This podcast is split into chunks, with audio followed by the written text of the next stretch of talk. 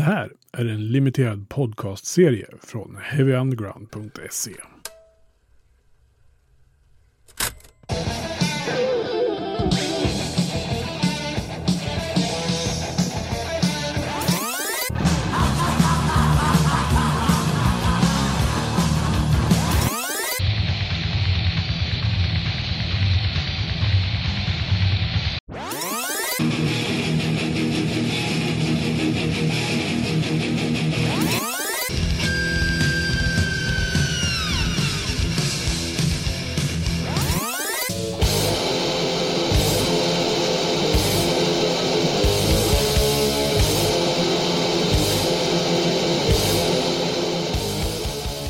I det här avsnittet av Stage Dive to Hell som handlar om den första svenska thrashvågen på 80-talet beger vi oss till Uppsala för att prata med Patrik Sporong om Midas Touch som var aktiva mellan åren 1985 och 1989. Stage Dive to Hell är en podd som kommer från heavyunderground.se och jag som säger det, jag heter Magnus Tannegren. I Midas Touch diskografi hittar vi Demon Ground Zero och fullängdsalbumet Presage of Disaster.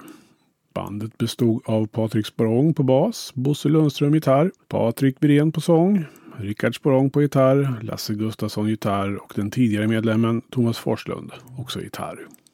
Midas Touch hade en relativt framgångsrik karriär med turnéer och skivsläpp under de år de var aktiva. Och jag tror att de hade framtiden för sig. Vad som hände med allt det här ska ni få höra nu när vi pratar med Patrik Sporong om Midas Touch här i Stage Dive to Hell.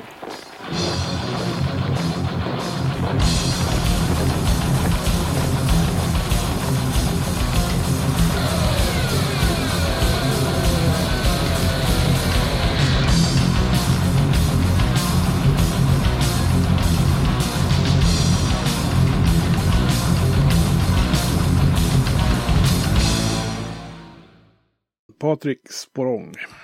Ja. Du får väl kanske dra lite kort din CV, varför vi, har, varför vi sitter här och pratar. Min lilla CV? Ja, hörru du. Uh, Midas Touch är väl bandet som gör att jag är med i just den här podden. Uh, mitt, det var väl mitt första, första riktiga band. Uh, som uh, vi drog igång i en liten förort till Uppsala som heter Björklinge. Som jag vet att du pratade ganska mycket om med Virre eh, för några avsnitt sedan. Mm. Eh, eh, ja, när drog vi igång där? 85 någonstans, 84-85. Mm. Eh, körde ganska länge som en trio. Eh, och eh, ja, försökte hitta vad vi, alltså det var ju mycket, alltså det var ju väldigt mycket som hände där under hela, eh, alltså musikuppvaknandet hos alla liksom. Men, eh, men det kan jag ta lite mer sen. Alltså, det var ju det bandet. Sen har jag liksom eh, fortsatt eh, efter Midas Touch ju, som var under en väldigt kort intensiv period i mitt liv. Så jag har fortsatt spela i diverse band. Eh, jag och Virre och Bosse från uh, Midas Touch, vi körde ju några år efter Midas Touch med ett band som heter High Tech Junkies. Som var någon slags vurmande för, uh, jag vet inte vad det var, någon slags grunge, uh, Union Carbide uh, grej uh, som var jätte, jättekul. Mm. Och var väldigt väl mottaget. men som gick lite grann samma väg öde till mötes som Miles Touch. Lite så här bolags eh, tjafs som vi orkade liksom inte. Vi ledsnade till slut helt enkelt. Eh, sen skildes våra vägar. Jag fortsatte med ett band som hette Karma Kane som sen blev Kapoor. Som var ännu mer så här alternativ rockgrej. Som jag kände att jag ville utforska. Eh, Eh, vi satte upp bland annat upp en rockopera. Oj. Och extremt pretentiöst. kommer jag aldrig att göra igen. Det var en jävligt kul upplevelse. Men eh, ja. Eh, ja, så höll jag på med det. Sen började jag lira. Eh, fick jag förfrågan om att lira i ett band som heter Lost Souls från Uppsala. Så var lite grann tillbaka till thrashen kan man väl säga. Fast det, det lite den här nya vågen som kom med Pantera och Machine Head och grejer. Där var jag med på första plattan. Eh, sen hamnade jag i, i eh, livet när jag kände att nej, men det började det här ta för mycket tid med båda banden. Så då valde jag att gå tillbaka, bara hoppa jag av det och så körde jag vidare med då, eh, det här bandet Karma Kane som sen blev Kapoor. Eh, under några år. Och under den här perioden då hade, drev jag en skivaffär Mm. i Uppsala. Eh, som jag gjorde i drygt tio år. Eh, och där dök det upp en kille eh, som hade kommit till Uppsala ganska nyligen som hette Lawrence McCrory. Eh, och vi började prata musik.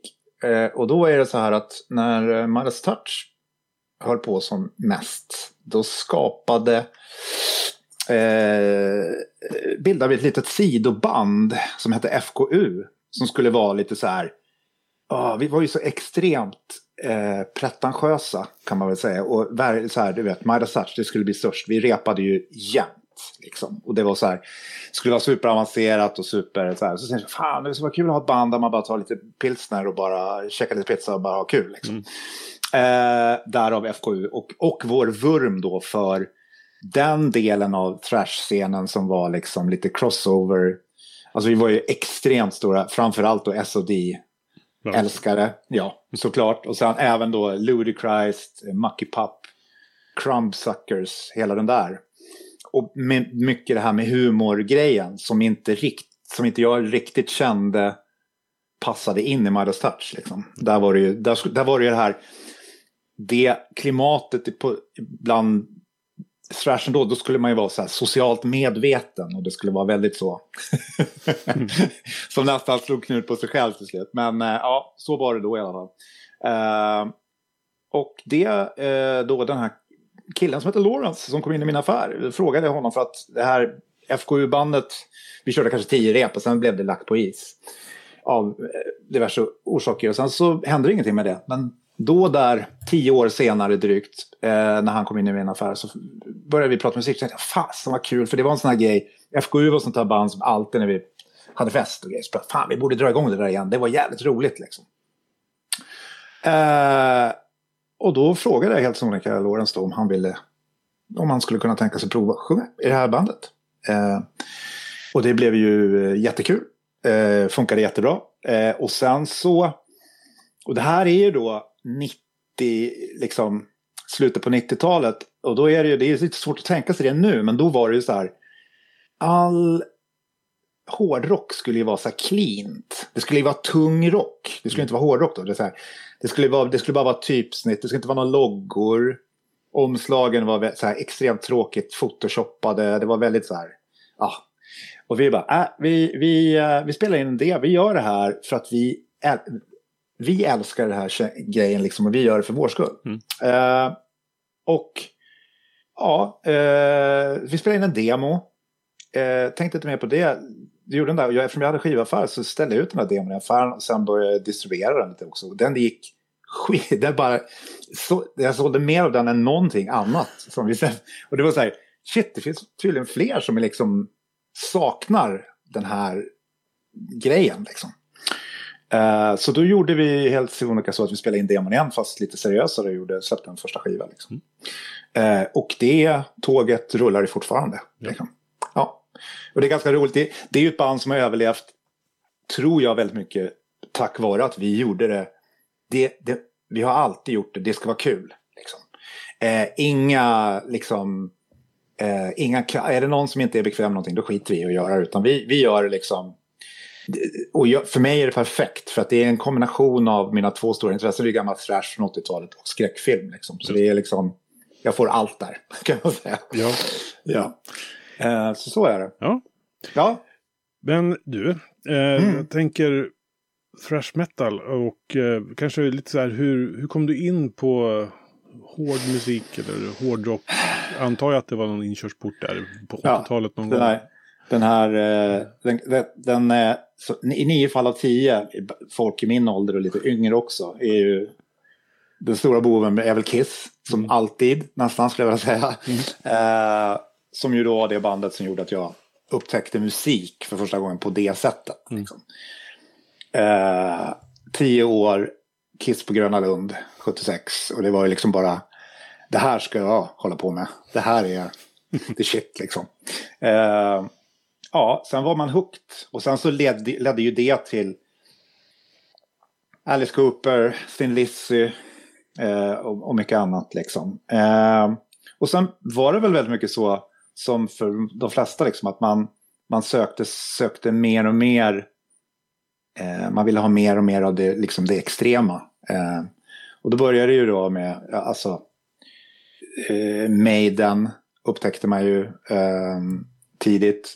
Och ja, så att, men på, för mig var det liksom, när thrashen kom, alltså ja, klassiska då naturligtvis med Metallica och så. Mm. Så bara, alltså det är ju så sjukt när man tänker på det nu, men när man lyssnar på det, man bara så här fort går det fan. Det går inte att spela så här snabbt. Det här är helt sinnessjukt. Och man fick så här, eller Slayer kommer jag ihåg att det var liksom det här det var nästan så att man lyssnade på någonting förbjudet. Det lät så jävla farligt. Liksom. Jo, Vilket är ganska... Ja, men, ja, men det... Slayer, Slayer var ju den som bara de riktigt tuffa killarna lyssnade på. De var man ju mm. lite rädd för. De som hade Slayer-patch på sin jeansjacka. ja, det var, så, det, var, det var en sån kalla... Ja, det var eh, fantastisk tid alltså. Det släpptes ju så sjukt mycket bra grejer där. Mm. Eh, som fortfarande är fantastiskt bra. Eh, men eh, eh, just när det gäller, eh, vad ska man säga då? Vi var ju inte, det följde, alltså om man ska säga så här, Midas Touch var ju väldigt mycket så att det var, blev en produkt av det vi upptäckte musikaliskt under den resan. Och det, var ju, det hände ju så mycket där då. Så att det blev ju liksom, vi gick ju från något, att vara liksom lite mer det var väl bara vanlig heavy metal liksom, eh, i början. Och sen så blev det bara, ah, men fan ska vi inte dra upp tempot lite och göra det lite mer avancerat och du vet, raka fyror, raka åtta tråkigt, vi kör femmer och det, det skulle bli mer och mer liksom, avancerat. Liksom.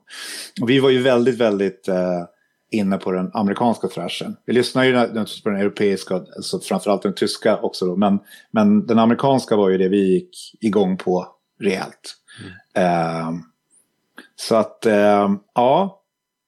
Det var ju, ja, det var min eh, ingång i musiken. Liksom. Det, var, det var liksom som en, en eh, eh, ja men du, du, vet så här, man, man, eh, man inte riktigt, eh, när man växer upp i en liten ort och där det liksom är då, du, du, du har ju liksom, eh, du har pluggisar och så har du de som håller på med idrott. Mm. Och sen är det vi andra. Och det är så här, och man, hit, man vet inte riktigt vad fasen är det. Men det var liksom som, det var så klockrent. När man upptäckte musiken. Det var bara så här, ja, det är det här, här, så här, nu hittar jag min plats liksom. Mm. Um, och det är fantastiskt. Det är, och det är fortfarande lika roligt liksom. Mm. Det är, ja, magiskt. Ja. Men hur länge har du spelat musik då? Alltså... ja du, uh, det blev ju så här, det, det absolut första bandet vad vi nu hette, X-Race eller något sånt där tror jag. Då var jag nog 12. 12, 12, 13. Mm. Eh, och då var det ju så här, då gick man i skolan, det var ju med, med klasskompisar. Då. Mm. Eh, vi hade ju gått då från att, eh, som, som väldigt många andra gjorde, eh, sminka sig med vattenfärger och eh, mima till Kiss på alla klassfester och folk var så jävla less på det där. Liksom. Men slut kan inte göra något annat. Liksom. Det, lå det bara låter illa. Eh, till att försöka göra ett eget band då. Eh, och då kommer jag ihåg att vi liksom skyndade oss att anmäla oss till kommunala musikskolan trummor, gitarr, bas. Och då var det någon, och jag ville ju anmäla mig till trummor för jag tyckte det var så jävla coolt. Liksom. Men då var det en kompis med som hann före. Så jag bara, ja, det var, basen blev kvar. Liksom. Mm. jag får väl ta det då. Eh, och det är jag glad för nu, för det, jag älskar ju det. Eh, och det är ju ändå någonting man gör tillsammans med trummorna väldigt mycket. Så det är ju, ja, eh, lärt mig älska det över allt annat. Eh, men eh, där började stappla, så att 13 då kan jag väl säga. Att mm. det var liksom, man började på kommunala musikskolan där jag gick i två terminer kanske. Hade någon jazzsnubbe som skulle lära som gärna skulle visa, du vet, kontrabas och jag var helt ointresserad. Jag var, och det ångrar jag mig ju nu såklart. Det, det hade ju varit hur coolt som helst, men då var man ju bara nej, nej, nej. Eh, så gick vi två, två terminer. Sen så tänkte jag att nej, men det här, det här fixar jag själv. Ja. ja. Eh, jag tänker, om vi pratar lite om Miles Touch då. Mm. Um, när startade det? Alltså hur gamla var ni då?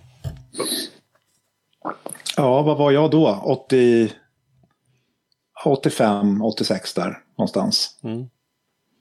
Jag är 66 Kan du räkna? Jag är sämst på matte. Jag är helt kass på det. Så det är jättejobbigt. Det är ont i hjärnan. Men, ja, men tänk dig då tidigt, alltså, ja, eh, 19-20 där någonstans. Ja. Säger vi. Eh, och det var ju... Eh, det, alltså... och det blev väl också att vi, när vi... För, för det som var största problemet för oss det var ju att hitta en sångare. Eh, som vi kände. Vi hade, liksom, eh, vi hade en sån här gammal klassiker satt upp i musikaffärer med en sån du vet man river en lapp liksom. Mm. Söker sångare. Vi hittade liksom inga... Det var väldigt få som fattade vad vi höll på med kändes det som. Alltså det var... Man hade ju liksom den här scenen i stan, men de höll ju på med mera det här AOR-inriktade liksom eh, Spellbound, eh, nej Spellbound säger jag, de var ju de som gick, eh, jag menar naturligtvis Europe-köret. Mm. Men, eh, men liksom, de, det, var ju den genren. Men det vi höll på med var liksom så här, eh, ja, eh, det var svårt att hitta sångare som vi kände så här, men fasen, det måste ju så då, och, och, vi, för då vände vi oss oftast till folk som var på med metal förut. Men då var det sådana här wailande grejer. Och vi bara, nej men det här, är, det här ska det inte vara. Och då var det någon, jag kommer inte ens ihåg hur det är, men det var någon som hade hört, liksom, ja men ni borde kolla upp den här killen, han sjunger ett punkband. Ja, vi andra då, Virre. Mm. Och vi gick och kollade och vi bara yes, där är det. Det där är rätt attityd liksom. Och han var ju inte, vad var han då? När vi var och kollade på honom tror jag han var 15, 15, 16. Det var ju liksom så här. Mm. Vi bara, äh, men vi, vi kör. Och det var ju, uh, ja, resten är historia. Det var um, verkligen, då föll alla bitar på plats liksom. Mm. Eh, och sen hade vi, eh, det gick, som sagt, det gick ju så jävla... När, när den biten föll på plats så hittade vi ju liksom var, vart vi ville ta vägen med musiken ganska fort. Liksom. Eh, och spelade in en demo. Alldeles för många låtar. Det är tio låtar på den demon. Det är så här, första demon. Alltså det är så här, Ja, helt galet. Eh, och den låter ju som den gör, men den ledde ju till det som... Det ledde ju till resultat liksom. Mm. Vi skickade ju ut det. Det tog ju alltså... Jag tror det tog tre veckor för att vi skickat ut det. Så ringde ju Noise liksom. alltså det är ju så här... Ja, uh, once in a lifetime grej. Och, och det, roliga då var ju att jag trodde att det var en, Jag slängde ju på luren två gånger för jag trodde det var någon polare som bara skämtade. Liksom. Det klassiskt. Fan, ja, klassiker grej. Liksom.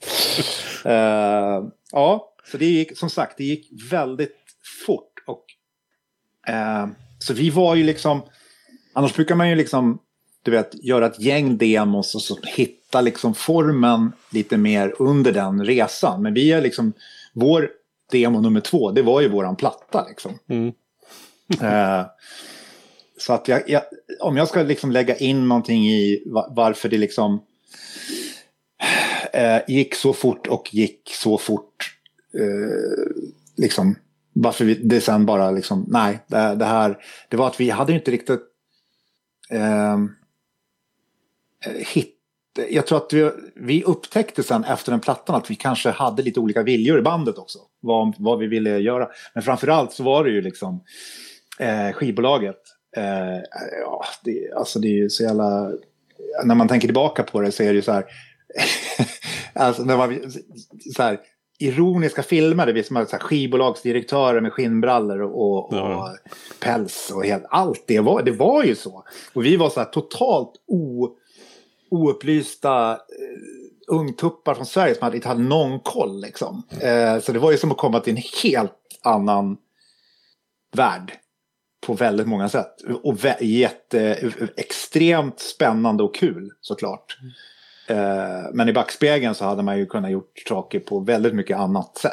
Bara en sån sak att inte ha koll på att ja, men allt det här nu, eh, att ni, det tar flera dagar när ni inte går in i studion och inte gör någonting. Det, är, det kommer att dras från er, alltså det är ni som betalar för det här i slutet. Det, det tänkte man inte på då. Nej. Så man är, ju glad, man är ju extremt glad på att man levde de tiderna när, när det fortfarande såldes skivor. Liksom. Eh, så att vi betalade tillbaka det. För det, ja, det var ju, alltså så sjukt. Jag har sett den summan som den här skivinspelningen kostar. Det skulle man kunna spela in alltså, fyra, fem skivor för nu utan problem. Liksom. Ja. Eh, men eh, ja, det är jättekul att ha gjort det. Måste jag säga. Eh, men eh, ja. Yes, gud vad jag babblar. Ja, du, men fråga. Ja? Presence of Disaster, plattan då?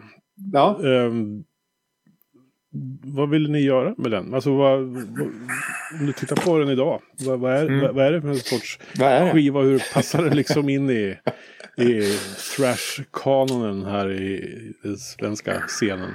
Mm. Ja, den är ju... Men den är ju ganska, den är ju lite grann också som vi var, tycker jag. Eh, om jag kollar på den, det är kanske inte så många som tänker på det, men den är ju liksom...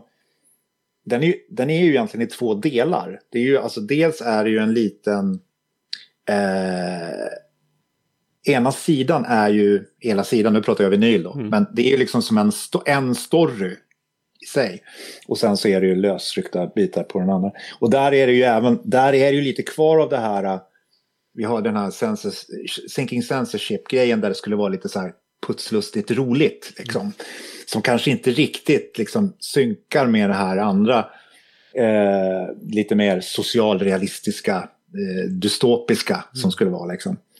Eh, men under den... Och vi var ju jätteinne på... Eh, när jag lyssnar på den nu så tänker jag liksom på...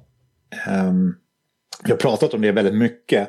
Eh, de, den demon vi gjorde både innan Eh, in, inte då den här demon som var officiell, den som skickade till bolaget, utan vi gjorde en en liten trelåtars demo som bolaget ville ha med nya låtar som sen kom med på plattan som vi skickade till Noise bara. Och den demon eh, och även den demon vi gjorde som skulle bli platta nummer två eh, låter så otroligt mycket bättre än vad det som gjordes nere i den här skitdyra studion i Berlin. Därför att det var så här, du vet det var för stort, det var för mycket och både vi och producenten Roy Roland var helt insnöade på ljudet på Justice for All. Mm. Och du vet ju hur bra ja. det är. Ju. Alltså, ja, ja, men du vet. Men det var något nytt och det var något så här helt, man bara wow, vad coolt det här är. Liksom. Ja, eh, och sen så skulle det då synkas ihop med, med eh, tyskar som skulle mastra det där, som trodde att det var något fel, som började höja upp basen och lägga till något konstigt reverb på virvelkaggen som lät, som lät som Scorpions när man fick tillbaka första provpressen. Liksom. Jag tror vi gjorde två eller tre provpressar på den. Eh, tills, tills vi bara, äh, men okej, okay, fine, kör, kör. Eh, så det är väl det jag tänker på, att ljudet skulle ju kunna ha varit bättre. Men, men det jag känner är att det var så jävla, vi ville så jävla mycket det är så mycket som händer eh, även på skivan. Eh, och som hände i det här bandet under den perioden vi höll på. Det var mycket viljor liksom. Eh, ja. Och sen kan jag bli, det var ju så här också, men redan där var det ju, eh, började vi ju upptäcka det här lite att, ja ah, men de har lite idéer om vart de vill ta oss, skivbolaget. Så vi hade till exempel vi hade en logga med dödskallar. Äh, dödskallar ska ni nog inte ha. Vi ska nog putsa bort dem lite grann. Sen har vi ju den här en ökänd fotosession som vi gjorde nere i Berlin. Mm -hmm. eh, det finns ju vissa av de här fotona råk, eh, kom ju tyvärr ut till typ Metal Forces och de här tidningarna och finns med i re-releasen nu på sedan. Så vi slänger med de här bilderna för de är så helt fantastiska. Vi spenderade en hel dag med ett helt sånt fotocrew och vi ute och åkte med, alltså, du vet, folk som höll på och sprayade upp håret på oss och höll på. Och vi bara kom tillbaka och så skickade de de där bilderna. Så här har vi tänkt att ni ska se. Och vi bara, men vad är det här för någonting? det, ja, men du vet, det var ju så här Bon Jovi-vibb liksom. Och vi bara, nej det här är inget bra. Så vi griniga svenskar. Vi åkte hem och hade en egen fotosession vid, vid någon så här vikingagravar ute i snön. Liksom. Mm. Så ska det se ut, tyckte vi. Eh, och redan där började det så gnissla lite. För de hade en idé om att vi, vi skulle liksom vara någon slags Thrashens, ja men Thrashens Europe var ju liksom så här giga, alltså det var där de ville att man skulle vara. Lite mer så här rumsrent. Oj. Ja, och även tilltala då det, det, det, det fagra könet, liksom. man skulle få in tjejer. Liksom. Mm. Eh, och vi bara, men ja, det får de väl göra, men det måste vara på våra premisser. Liksom. Mm. Det här är inte... Så jag vet, att det här är ett minne jag har, är att vi blev inkallade på till Karl Ulrich Wolterbach, då, som han hette, skivbolagsdirektör. Han, när, vi, hade gnisslat lite om att vi inte ville det och det.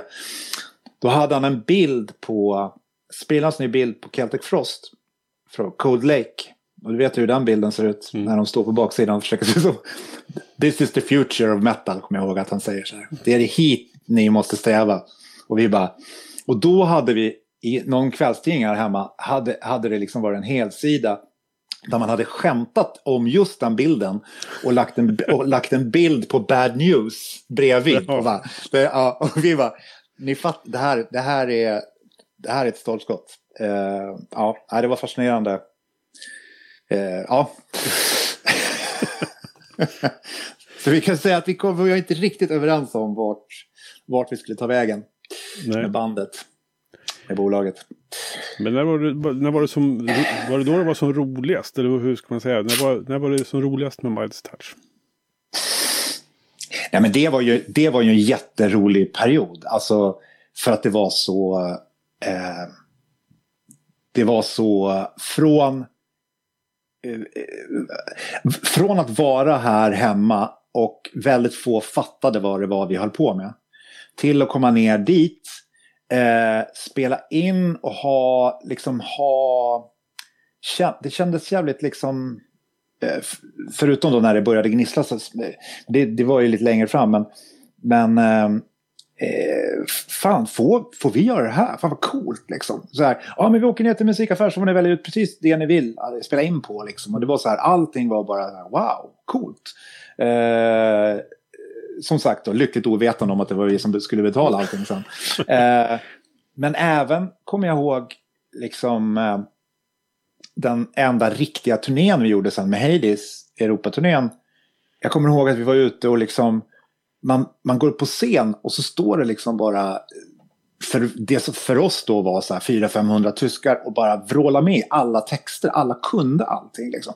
Man bara shit, fan vad coolt. alltså det var ju en, för det här band, under den här bandets period så var ju det liksom piken. Alltså det var ju så jäkla coolt. Liksom.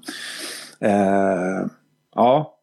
Sen kan man ju liksom dra sig till minnes att den turnén kanske var, det var ju liksom verkligen så här låg, låg budget, du vet så här, inga, inga nightlines, ingenting. Som, utan det var ju kuskade runt i billigaste vandrarhemmen typ och det var så här riktigt. Men det var kul, det var jävligt roligt liksom. Eh, ja, det kändes som... ehm, Ja, det var, det, det var liksom som en, en, helt, en, en helt ny värld öppnade sig på så många sätt på en gång. Liksom. Eh, sen önskar man ju kanske att man hade varit liksom, men det, jag vet inte om man hade tyckt att det var lika roligt då, men, men, men att man kanske hade varit lite bättre förberedd. Liksom, kanske tagit tillvara på saker lite mer. Liksom. Ja. Eh, men det är ju som sagt en period i livet där man, eh, alltså bara hänga där i, i Berlin under den tiden. I, och liksom du vet, det var, eh, vi kommer tillbaka till våran, vi liksom bodde ju i ett lägenhetskomplex i samma byggnad som studion var i. Och så kommer, vi tillbaka, kommer man tillbaka efter en inspelningssektion, då är det liksom fullt med folk i hela där loft där vi bor. Liksom. Då är det så här, då har de fest för att fira att Halloween hade slä, eh, sålt guld med, med eh, Keeper of the Seven Keys, eh, ettan där. Och då var det, då var ju Halloween var ju där, det var ju liksom Malcolm Dome, du vet Kerrang var där. Och, så här. och det var ju coolt, Corton var där, liksom, du vet, och Bosse, hans farsa. Det var så här.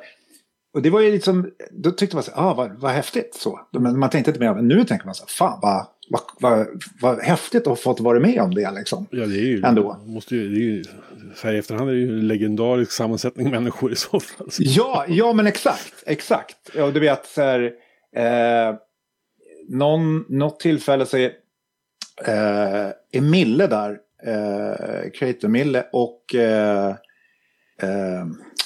Scott Burns. Eh, och de är, eh, knallar runt där. Och jag, jag fattar att det är eh, det är något som inte är bra. Och då är de liksom där för att, att klaga på att de har ju spelat in hela då, Extreme Aggression Mm. i Tyskland och han är inte nöjd. Så de, nu håller de på att bråka med skivbolaget därför att eh, de vill spela in hela skivan igen, fast i USA. Okej. Så den skivan kostade ju extremt mycket, skulle jag säga. Eh, när vi kom dit, till exempel där vi bodde, då höll de på att restaurera det. Därför att då hade Celtic Frost varit där och spelat in Code Lake innan. Och de var inte överens med skivbolaget. Så de hade huggit yxor i väggarna, de hade eh, hällt vatten och socker på mattorna som höll på och bytte liksom så här. Alltså det var, så, my- alltså det var sånt, det var sånt jävla kaos man kom in i. Men, men en väldigt underhållande kaos. Liksom. Mhm. Eh, ja. Ja, Men du, jag tänker, hur, om du skulle beskriva thrash-scenen i Sverige då? Alltså om vi ser lite runt om. eh, runt om Midas Touch, liksom de andra banden och sådär. Vad hade ni för relation till, till dem? Har du några? ja de, de var ju inte så många. Men de, nej. Eh, nej. Några som vi träff, umgicks med och träffade det var ju bland annat eh, Atrocity som sen blev Rosicrucian från Västerås. Eh, Tribulation. Inte nuvarande Tribulation då, Nej, utan Original Tribulation. Eh, Surahammar Tribulation, eh, precis. Eh, vi hade ett band här i Uppsala som heter Damien. Just. Eh, som var extremt bra. Eh, som det tyvärr aldrig liksom, de släppte en, en EP. Eh, och det var det liksom. Eh, de borde ha gått, kommit mycket längre, tycker jag. Eh, eh, sen hade vi ju Mestro. Eh, som vi lirade tillsammans med några gånger. Eh, vi var uppe i Umeå och lirade med Meshuggah. Uh, Agony får vi inte glömma. Nej. De var ju, ja. Att de inte blev större än vad de blev är obegripligt. För det tycker jag är nog, är nog den, den bästa thrashplattan som har gjorts i Sverige skulle jag vilja säga. Eh, den enda de gjorde.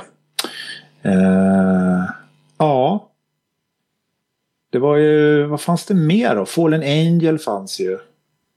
Ja, nej men det var, det var liksom... Eh, som sagt, det var en, lit, en liten men naggande god... Ska, Ice Age får vi inte glömma. Mm. Eh, ja. Sen det var liksom... Eh, jag vet inte hur... Hexenhouse också i och för sig. Men det var, det var liksom... Eh, ja, de, de som fanns, de hade man ju brevväxling med och bytte kassetter med. Gammalt klassisk maner. Men där började man märka redan att liksom... Jag kommer ihåg det att eh, man började få kontakt med både eh, när det började rasa in sen eh, när man körde tape trading och man började få in så här från Entombed, Dismember grejer. Man bara shit, nu börjar det hända något här som man är...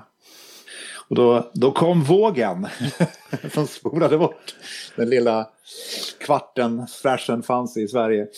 Ja, men, men mellan, mellan vilka år skulle vi kunna, liksom, om vi försöker pinpointa den här thrash fanns i Sverige? Det, Ja, vad blir det då? Det, alltså... 80... Jag skulle vilja säga att det är 85 till typ tidigt 90, 90-tal kanske. Mm. Alltså fem, sex, ja, fem, sex år. mm, Eh, ja, fem skulle jag nog säga. Liksom. Det var ju, och då var det ju inte speciellt stort heller. Utan det var ju liksom... nej, Eh. precis. Nej, jag tänkte det, vad var, liksom, vad var uppmärksamheten för den här, typ, den här genren på den tiden? Jag, vet, man skrev ju mycket om de amerikanska och tyska banden naturligtvis. Mm. Men, men varför, varför hittar man liksom inte de svenska på samma sätt?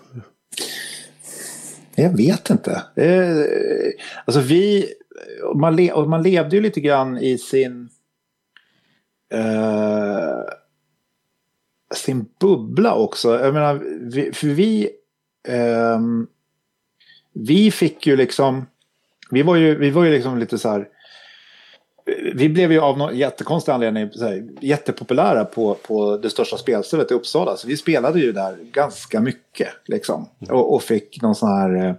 Eh, folk tyckte det var skitkul. Liksom, även arrangörerna tyckte det var jätteroligt att när vi lirade för det blev sånt jävla drag. Och det var så här.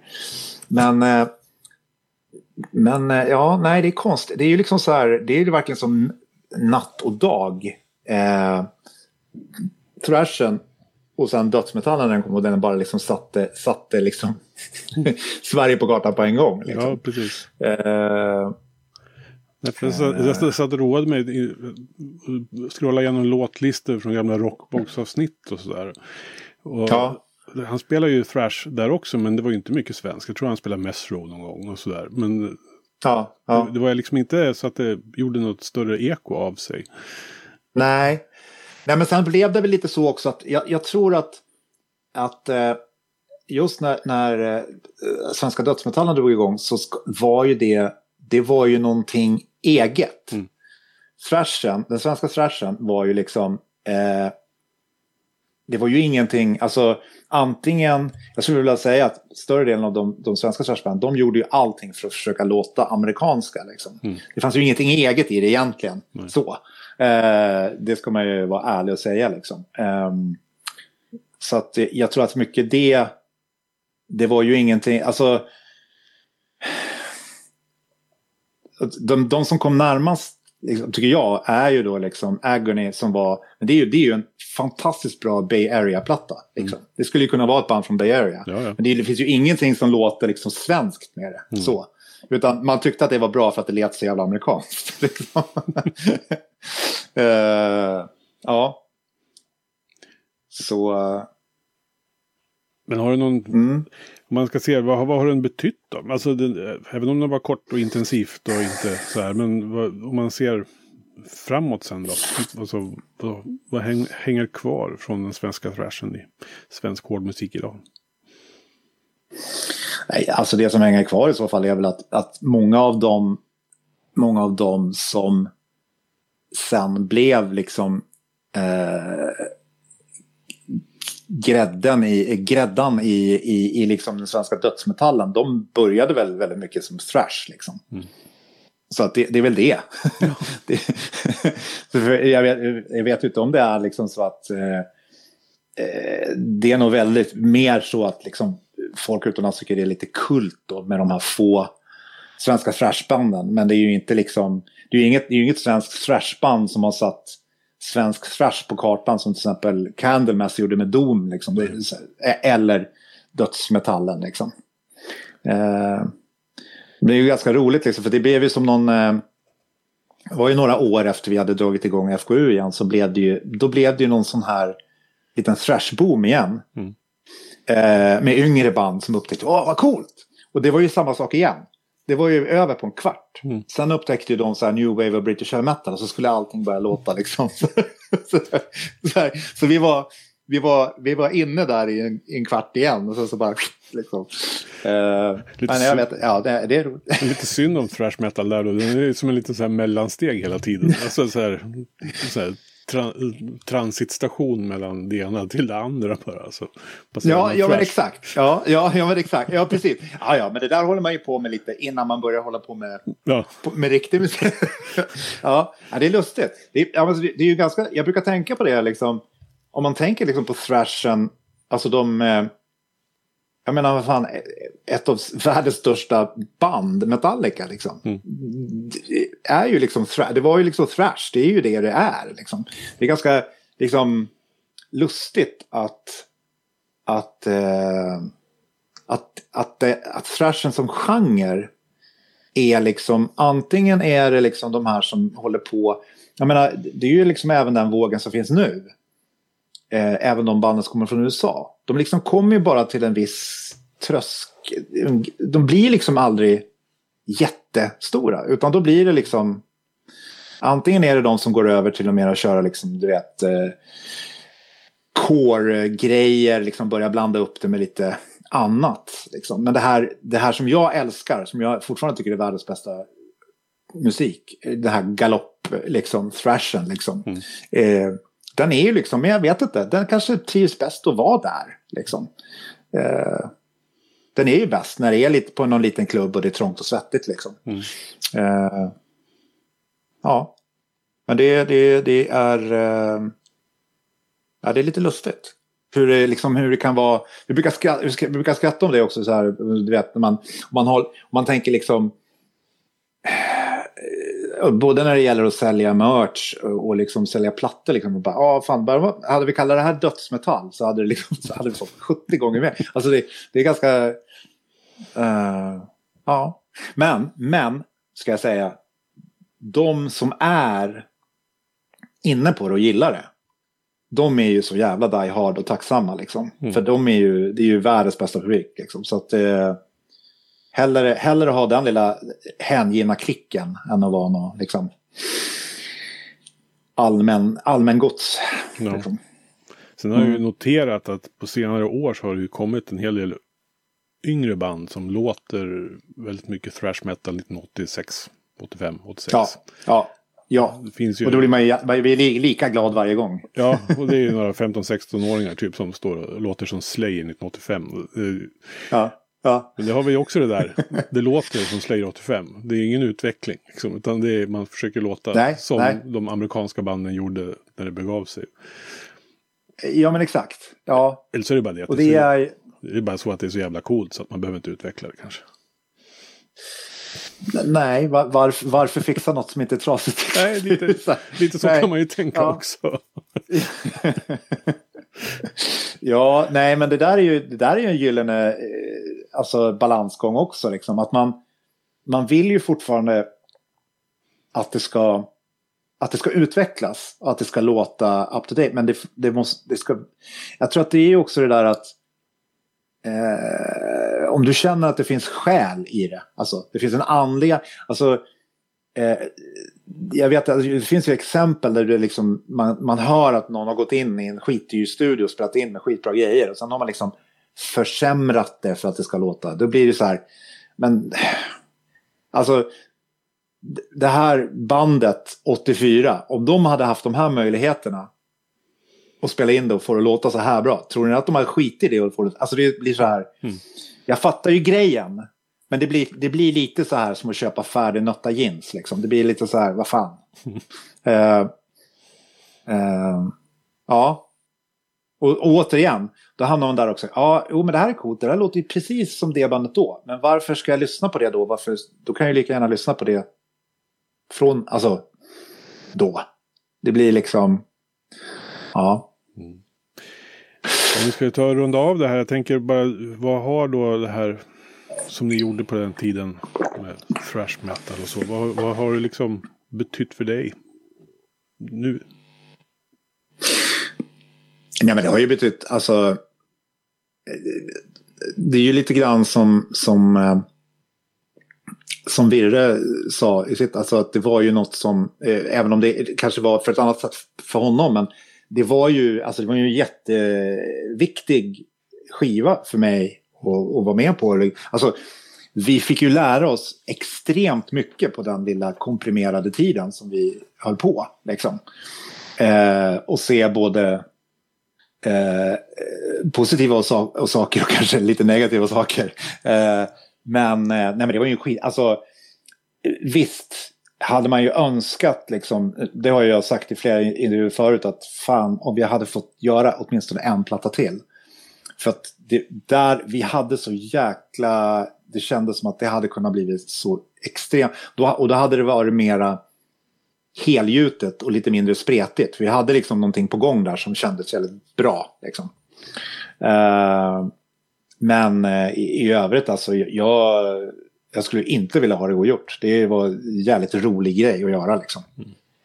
Uh, en, en, ett, ett, ett glatt minne i, i min uh, minnesbank. och, och, och faktiskt eh, hade inte det, hade jag inte hållit på med det så hade eh, antagligen inte bandet jag fortfarande håller på med FKU funnits heller. Liksom. Utan det var ju en, en, en, en, ett resultat av det bandet. Så, att, ja. så sa Patrik Sporong från Uppsalas Miles Touch. Ni hittar länkar till demon Ground Zero och fullängdsalbumet Presage of Disaster i infon som tillhör det här avsnittet. Stage Dive to Hell kommer från heavyunderground.se och jag som säger det heter Magnus Tannegren. Tack för att du har lyssnat.